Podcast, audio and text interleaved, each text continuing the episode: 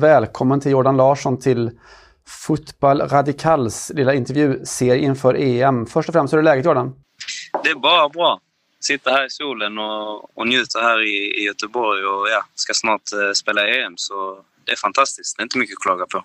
Ja, det låter bra. Du, jag ska testa dig på en... Jag har ett väldigt starkt minne av dig som ju kan vara ett helt felaktigt. Och då får du korrigera mig i så fall. Okay. Eh, kan vara kanske 20 år sedan någonting. Eh, jag bläddrade i min lillebrors Bamse-tidningar.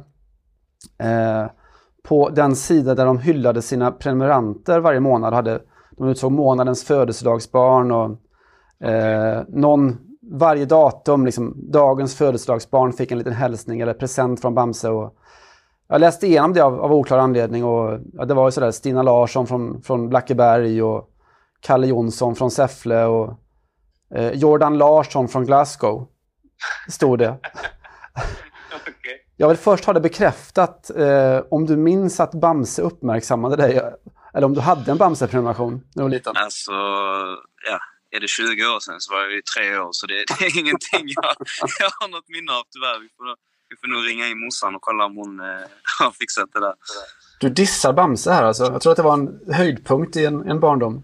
Jag tror att det det stora frågan är ju varför Simon Bank prenumererade på Bamse samtidigt som Jordan Larsson. Det är det man kan undra över lite, känner jag. Det finns en bättre fråga tycker jag också. Har du något svar på det Simon? Ja, jag har kommit ikapp sedan dess. Jag har kommit ikapp sedan dess. Lillebror, my ass, säger jag. ja, det kan vara så. Nej, men det är, Jordan, alltså mina första minnen av, av dig eh, är liksom man gick på på Olympia eh, och skulle in i pressingången och så fick man se Magdalena kommandes med, med dig och du kom inte sällan med liksom en, en boll i famnen. Skulle in på, på match och kolla. Eh, och det var en sån liksom en fin bild av en alltså, alltså kärleken till bollen på något sätt. Och lite undrar jag, finns det är fortfarande kvar? Liksom? Nu, nu jobbar du med fotboll och det är ditt liv. och Just den där enkla, banala glädjen i att spela fotboll, är det fortfarande kul? Liksom? Ja, det, det är skitkul. Sen eh, går jag ju kanske inte runt på stan med en boll längre som jag gjorde när jag var liten. Men eh, det är klart, det, den kärleken tror jag aldrig kommer försvinna. Och jag tror att det är någonting som kommer förhoppningsvis göra att jag har en väldigt lång karriär. För att, eh, ja, sen är det ju frågan om kroppen orkar sen när man är uppe i, i åldern. Liksom. Men eh, förhoppningsvis så kommer den kärleken göra så att jag kan spela fotboll väldigt länge. Det är fortfarande en lek också, alltså? Ja, kanske inte på samma sätt, men det, det är klart att när man står där innan eh, träningen börjar och så leker man lite med bollen. Och det känns precis som när, när man var liten. Det, det, är ingen skillnad där. Sen är det klart att när man väl är ute på plan så kanske man inte står och kör Ronaldinho-finter som man gjorde när man var, när man var liten. Då, det med honom gjorde du då. Det var ju skillnaden från alla andra. ja, med honom då. Nej, men eh, ja, kärleken kommer, kommer alltid vara där. Eh, Jordan, vi pratar lite kroppen då, lite mer konkret, eh, för vi vet ju hur situationen är i laget nu med två covidfall och eh, panikinringda mer eller mindre, en, en parallellgrupp så har vi fått reda på som tränar här lite och är beredda att, att rycka in. Eh, läget själv, går du runt och känner så här, hur är det nu? Blir, man väl, blir du liksom lite paranoid och funderar på andningen och har man lite feber? Och, eller är du cool i de här lägena? Ja, alltså, det är väl klart att man är orolig på ett sätt. Liksom. Det är väl klart att man, man inte ska sticka under stol med det. Det är väl klart att då i början när, när det kom ut liksom, först Dejan och sen Mattias att man, man börjar känna en oro över att det kanske har smittats till fler och, och så vidare. Men eh, vi har ju gjort många test nu och alla har varit negativa hittills och vi har ju väldigt kompetenta läkare och folk som, som kan det här. Så på det sättet känner jag mig också samtidigt väldigt lugn i och med att jag vet ju om att de här av en anledning och, och kan det här. Sen, sen, är det ju väldigt svårt. Jag menar, det, detta är ju ingenting som, som någon av oss i, i världen har varit med om tidigare men mm. eh, vi har ju fått fram väldigt mycket kunskap om det. Eh, och det känns som att eh, de har bra koll på situationen. Det är lite paradoxalt tänker jag, för att som liksom 20-25-årig idrottsman är man ju minst riskgrupp av alla. Men det är värst de drabbar er, för ni kan verkligen inte utföra ert jobb och nu är det ett, ett EM runt hörnet. Hur, hur, tänker du kring alltså avstånd och alla de här grejerna? Hur har det blivit efter, efter att det här hände? Håller ni, är man mer på sin vakt eller? Ja, nej, men det är man. Det, det, är klart att man blir mer försiktig. Vi, vi har ju gjort om liksom i, i bubblan så att säga. Mm.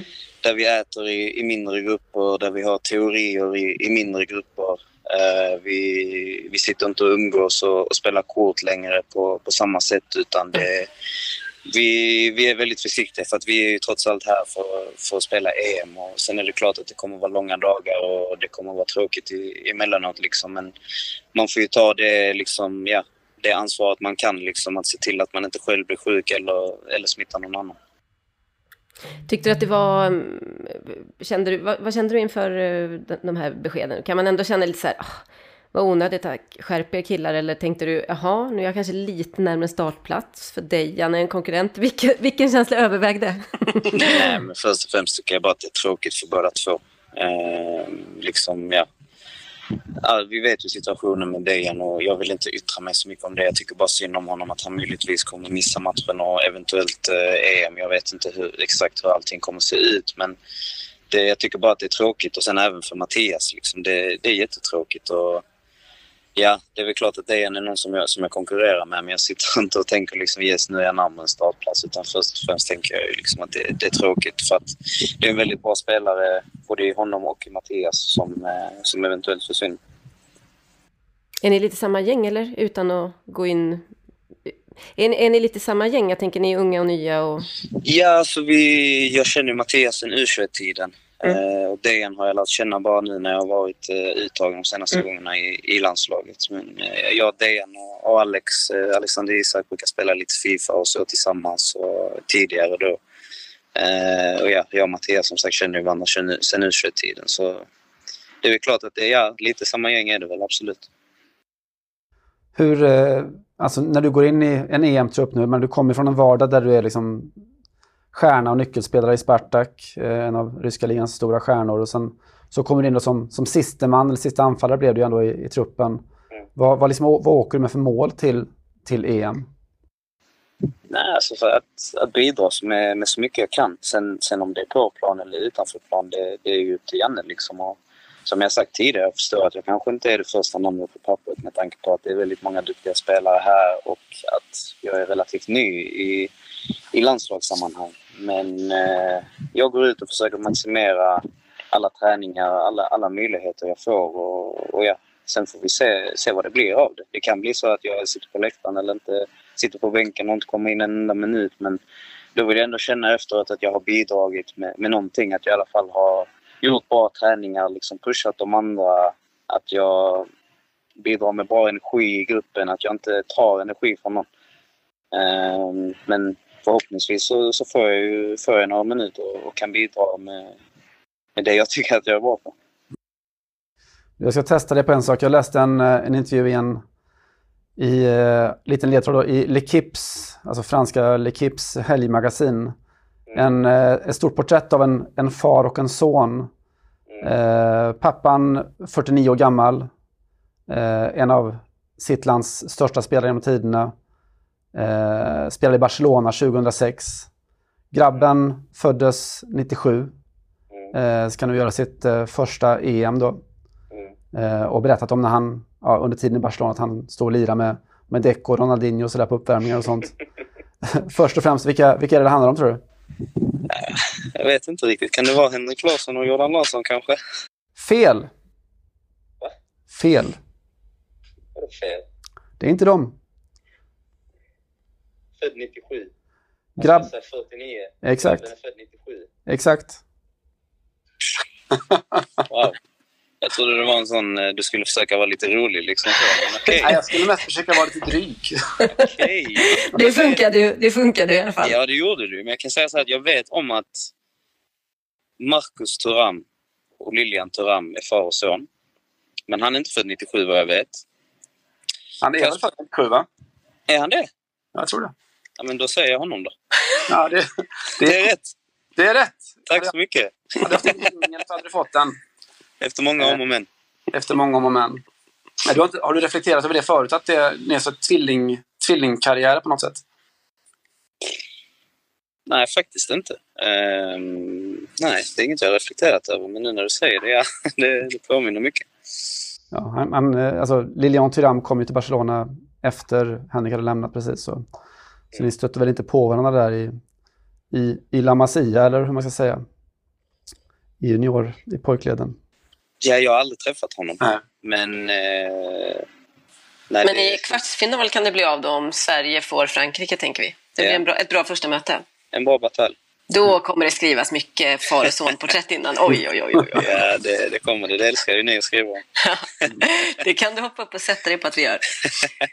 Du, eh, Jordan, jag eh, intervjuade faktiskt eh, pappa Henke häromdagen i sin då kapacitet som assisterande eller eh, anfallstränare bland mycket annat i Barcelona. Och det var då han sa att Jordan har en självklar plats för mig i landslaget. Eh, och det blev lite snack kring den där intervjun. Han sa det till någon annan också tror jag. Vad, vad kände du? Kände du ja? Eller kände du så här, nej, pappa? Håll tyst. Det blir bara svårare. Vilket kände alltså, du mest? Nej, det är, det är, en bra fråga. Jag ska försöka formulera mig så bra jag kan. Um, det är väl klart att jag kan hålla med honom på ett sätt för att jag tycker att jag hade gjort det väldigt bra. Men samtidigt så respekterar man ju Jannes beslut. Uh, och då kände man liksom att ja, kommer det här hjälpa mig? Kommer det här bli någonting bra eller kommer det bara bli att Janne blir irriterad på det här? Mm. Kommer det bli att folk ser det här som något sätt att han försöker blanda sig i för att jag ska få en EM-plats. Alltså, förstår du vad jag menar? Det, Just det, ja precis. Liksom, ja, alltså, jag tycker att han pratar ju bara från hjärtat. Så han sa ju det han, han tyckte och tänkte just där då i, i stunden. Jag tror inte att han försökte säga det just för att kanske påverka Janne eller på något sätt. För att Janne är väl inte den som är mest lättpåverkad kan man ju tycka. Mm. Um, och jag ville bara inte att folk skulle få den bilden för att jag, jag, jag känner min pappa bättre än, än någon och han, han med, det, var, det var inte så på något sätt att han försökte sätta press på Janne eller någonting så utan det var ju bara att han ville vara öppen och ärlig liksom för att han är en väldigt ärlig människa och tyckte väl när han fick frågan då liksom att jag förtjänade min plats. Mm. Blev det okej okay för dig då eller? Det blev inte några jobbiga sviter eller konsekvenser Nej. av detta? Nej, du sitter ju här nu så det funkade uppenbarligen. Ja. Nej, det var, det var ingen konstighet. Du, när man eh, följer dig i Spartak, alltså en sak som egentligen har, har dröjt kvar från, från när vi såg det i Allsvenskan och kanske accentueras ännu mer, det är det här med klacksparkarna, Jordan. Vad, alltså, du är väl den kanske i landslaget eh, som använder klacken allra mest och allra mest effektivt och så. Gör du det som för att det är effektivt, för att det är funktionellt eller gör du det för att det är snyggt och lite härligt? Nej, alltså först och främst för att det, jag känner att just i den situationen eller i det läget att, att det är effektivt. Men det är klart, leder man med, med 3-0 liksom och har gjort en bra match kanske man kan göra det bara för att det är snyggt också. Det, det ska jag inte ljuga om faktiskt. Men i första hand är det för att det är effektivt. Jag känner att i det, i det läget så, så kan jag använda det till min fördel. Du är rätt duktig på dem också får man säga. Tack så mycket. Kul att du har uppmärksammat det. Det är inte många som har gjort det faktiskt. Är det så? Ja, du ser. Eh, Göran, jag undrar lite över högerfoten. Hur många klackar eh, sätter vi på den? Inte många, kan jag säga. Inte många. Har, har du förbättrings, förbättringspotential eller har, ger man det upp? Finns det, absolut. Ja. Alltså touch, touchen finns där med högern men eh, klackarna, ja det, det är kanske någonting jag får träna på. Ni kan, jag kanske bjuder på en på träningen om ni är där nere ska jag försöka göra det bara för att vi har snackat om den. Ja. det är bra att ha i CV sådär som agenterna skickar ut att eh, Jordan Larsson, född 97, styrkor, målskytte, spelsinne, arbetskapacitet, svagheter klacksparkarna med högerfoten kan bli bättre. för markt, det blir så beskrivningen där av dig. ja, exakt. Eh, lite om Spartak då och din utveckling där och explosionen får man väl säga på, på slutet. För jag vill veta lite runt omkring. Hur, hur är liksom, hur gött är livet i Moskva? Eller hur är livet i Moskva? Hur mycket tar du del av det och hur mycket hinner man fatta av den ryska kulturen och så? Ryska kulturen är, är, lite svår i och med att jag, mm. jag inte pratar språket så det är väl svårt att, och sätta sig in i det på, på det sättet. Liksom. Men eh, livet i övrigt är, är fantastiskt tycker jag. Eh, det är en fantastiskt stor klubb. Jag, jag fattade inte riktigt det när jag kom dit. Alltså, man hade ju hört talas om Spartak och man visste att de var, de var stora förr i tiden. Men när jag väl kom dit och liksom spelade en bortamatch och det var mer Spartak-fans på den bortamatchen än vad det var hemmafans. Alltså det, det är roligt för att Spartak är ju folkets lag. Eh, så vi har, alltså vi har ju folk som följer oss överallt ifrån. Det spelar ingen roll om vi åker till, till Grosny nere i Tjetjenien eller om vi åker till eh, Krasnodar eller om vi åker till eh, ja, vad som helst. Alltså vi har alltid fans där och det, det är ett sånt följe för, eller på laget så att säga och det, det är otroligt kul. Det, det, är väldigt, väldigt kul. Det är smeknamnet va? Folkets lag eller? Precis. -huh. Man märker stor skillnad alltså på de andra klubbarna eller eh, derbykombatanterna i, i Moskva till exempel? Ja, ja, det skulle jag säga. Spartak är 100 störst i, i Moskva och i hela Ryssland. Om man ser på det som Johanna pratade om, din, din explosion och så. Hur mycket handlar det om att du kände dig in i början och akklimatiserade dig och hur mycket handlar det om att det var, ja, det kom ju ett tränarbyte när Tedesco klev in och du bytte position också får man säga, från, från kant och in som, som mer central anfallare. Vad, vad var den stora anledningen till att det lossnade? Ja, jag, skulle, jag skulle nog lyfta fram eh, tränaren, absolut. Sen är det väl klart att i början så akklimatiserar man sig liksom och hade jag spelat som anfallare så hade det ju kanske inte blivit så som det blev nu, liksom, alltså i efterhand när, när Domenico kom in. Men eh, jag måste ändå lyfta fram honom för att han fick hela laget och, och verkligen följa hans idé och hans tanke och han fick verkligen ut max av varje spelare. Eh, det är någonting som, som han var väldigt bra på. Eh, lite galen tränare också. Eh, en av ja, den bästa tränaren jag har haft när det kommer till att, motivera spelarna innan en match. Alltså, jag kommer ihåg vi skulle möta Lokomotiv hemma och han började sparka på väskor och ställde sig upp på bordet. Och, alltså, det bara rann svett från honom, alltså så intensivt. Men man känner ju man känner att man vill gå ut och dö på plan för honom. för att han, han, han liksom lever sig in i det så mycket. Han kunde bli något riktigt stort till dess. Jag vet att han var en liten knatte så hade han prao på, en, på sportredaktionen på Esslinger Zeitung men så, jag vet inte. Han höll inte måttet så då fick han bli fotbollstränare istället. Kommer du sakna honom eller? Ja, det kommer jag. Vi, vi hade en bra relation, vi kunde prata seriöst men vi kunde också skoja och tjoa och tjimma. Han var... Man hade respekt för honom, han hade den auktoriteten men han hade också den skämsamma sidan vilket jag tycker är viktigt. Alltså, speciellt i ett klubblag där man är med varandra varje dag. Så så känner man ju att man vill ändå kunna ja, ha en bra jargong i laget. Inte bara bland spelare utan även bland, bland tränare. Eh, så det är någonting jag, jag måste lyfta fram hos honom också. Du, när du tittar på en tränare som, dels har du ju varit ute nu ett tag i Europa och eh, du kan jämföra lite grann och sen så har du ju den här privilegiet och har sett det lite från sidan som, som barn och ungdom. Hur, eh, vad är skillnaden mellan Sverige och resten av världen? Är det som vi tänker att det är lite mjukare, man är lite mjukare i kanterna i Sverige och det är lite mer medbestämmande? Eller hur är, hur stå, hur är Janne Andersson jämfört med en, en uh, tränare i, i ryska ligan till exempel? Alltså, Janne har ju inte haft så mycket så att säga. Jag Nej. har ju varit med nu de senaste gångerna så jag, jag kan inte säga att jag har full koll på hans eh, ledarskap men om jag ska jämföra med, med andra tränare som jag har haft om vi säger i, i Sverige, en, en Jens Gustafsson till exempel eller eh, ja, Roa Hansen som jag hade tidigt i, i Helsingborg. Det, utomlands är det ju väldigt mycket precis som du säger att det är lite, man är lite rakare, man är lite tuffare.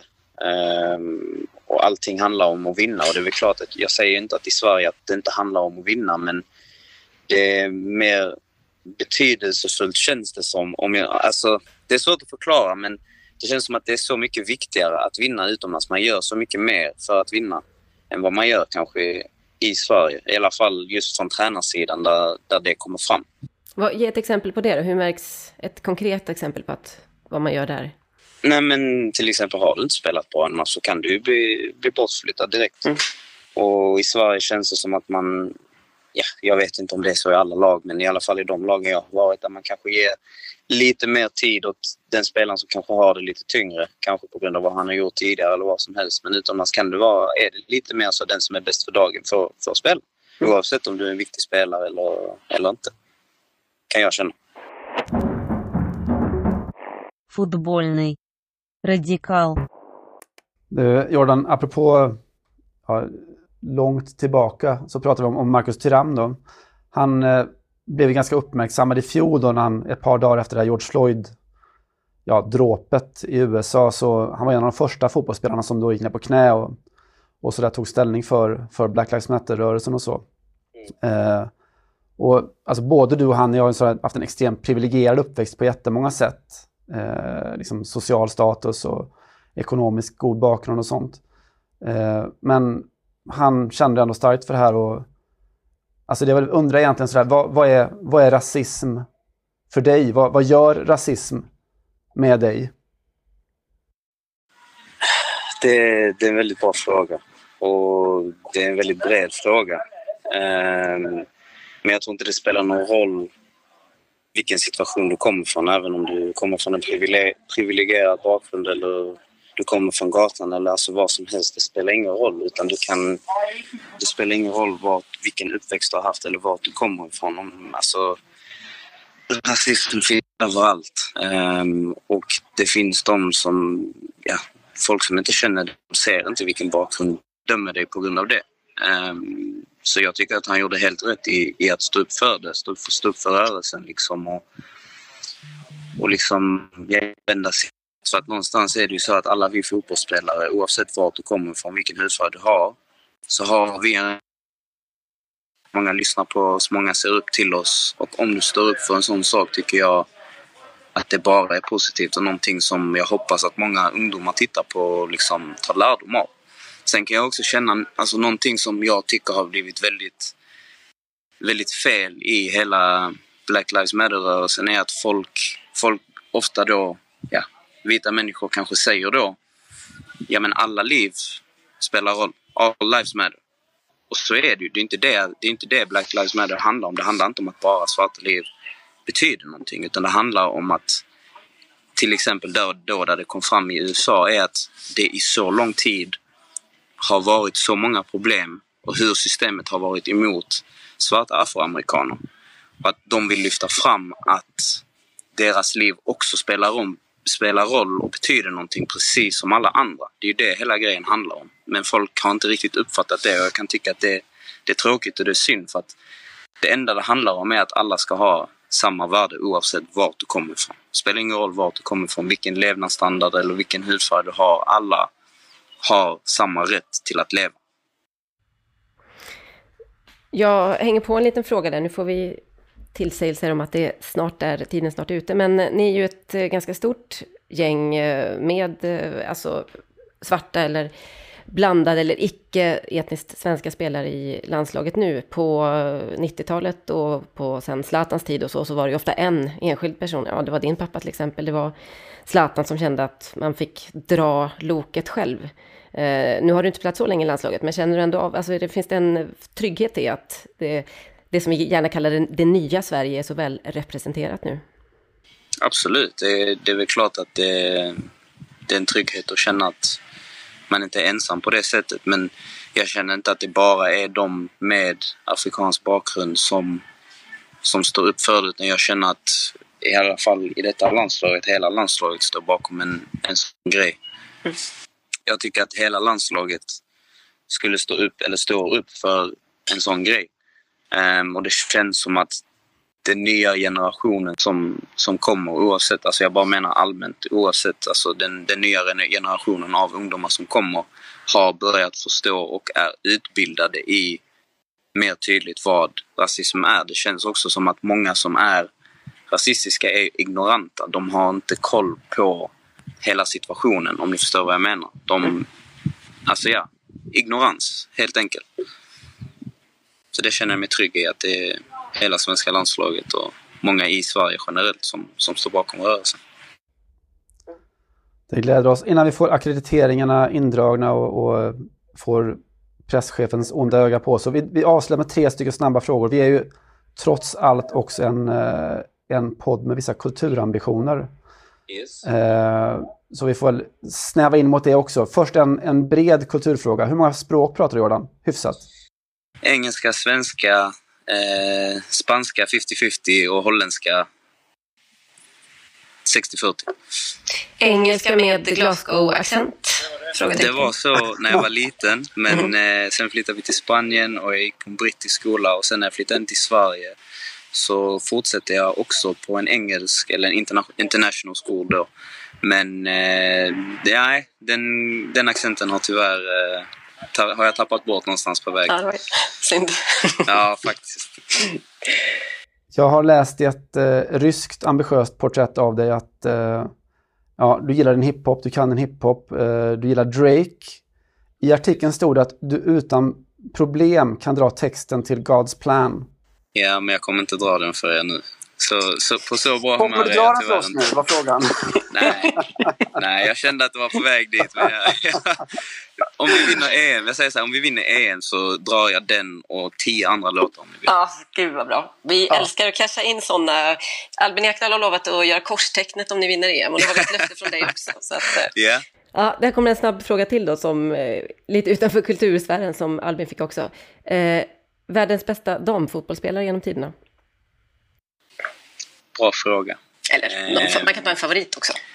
Jag säger eh, Aslani. Jag gillar hennes stil. Eh, filmfrågan också då, efter språket och eh, musiken. Eh, har du sett Spartacus? Filmen? Ja, för väldigt länge sedan, men jag kan inte komma ihåg hela filmen. Det, fanns- det var inga följdfrågor så det, det Nej, men, ja, ja, jag har sett. Ja. Berätta Jag det- slutscenen. Nej, det tycker vi inte fråga. Jag tänkte att det ingår i grundkursen för en Spartak-spelare har gjort det. Du klarar väl den då? Precis.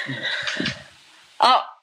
Eh, Ja, men då ska jag fråga också, för det här fick vi höra att Albin Ekdal kallas Abbe av närmsta kretsen. Du har inget smeknamn, Jordan, eller? Nej, alltså inte i de närmsta kretsen i alla fall. Vissa kallar mig eh, Jordi eller Jordi. Ja, Jordi, givetvis. Men eh, nej, inget så. Det, det är bara Jordan. Jordi Larsson när du skriver på Barcelona i... Om Det, det hade varit. Då får ni gärna kalla mig Jordi. Ja, Eller Jordi. Jordi. Vi ser fram emot att kalla dig Jordi eh, framöver. Vi ser fram emot att höra din, din Drake-rap. Och se din högerfo- eller högerfotsklack då, någon gång under EM. Det känns som det är mycket jag har lovat nu. Ja, ja, jag ska försöka hålla koll på allt och ja. Ja, kör. vi kör på det. Det blir bra. Vi har koll. Tack. Tack så mycket. Perfekt. Ha det så bra. Tack själv. Ha det bra. Hej. Hej.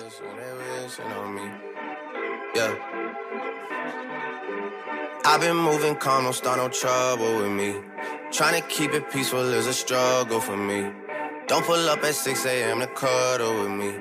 You know how I like it when you loving on me.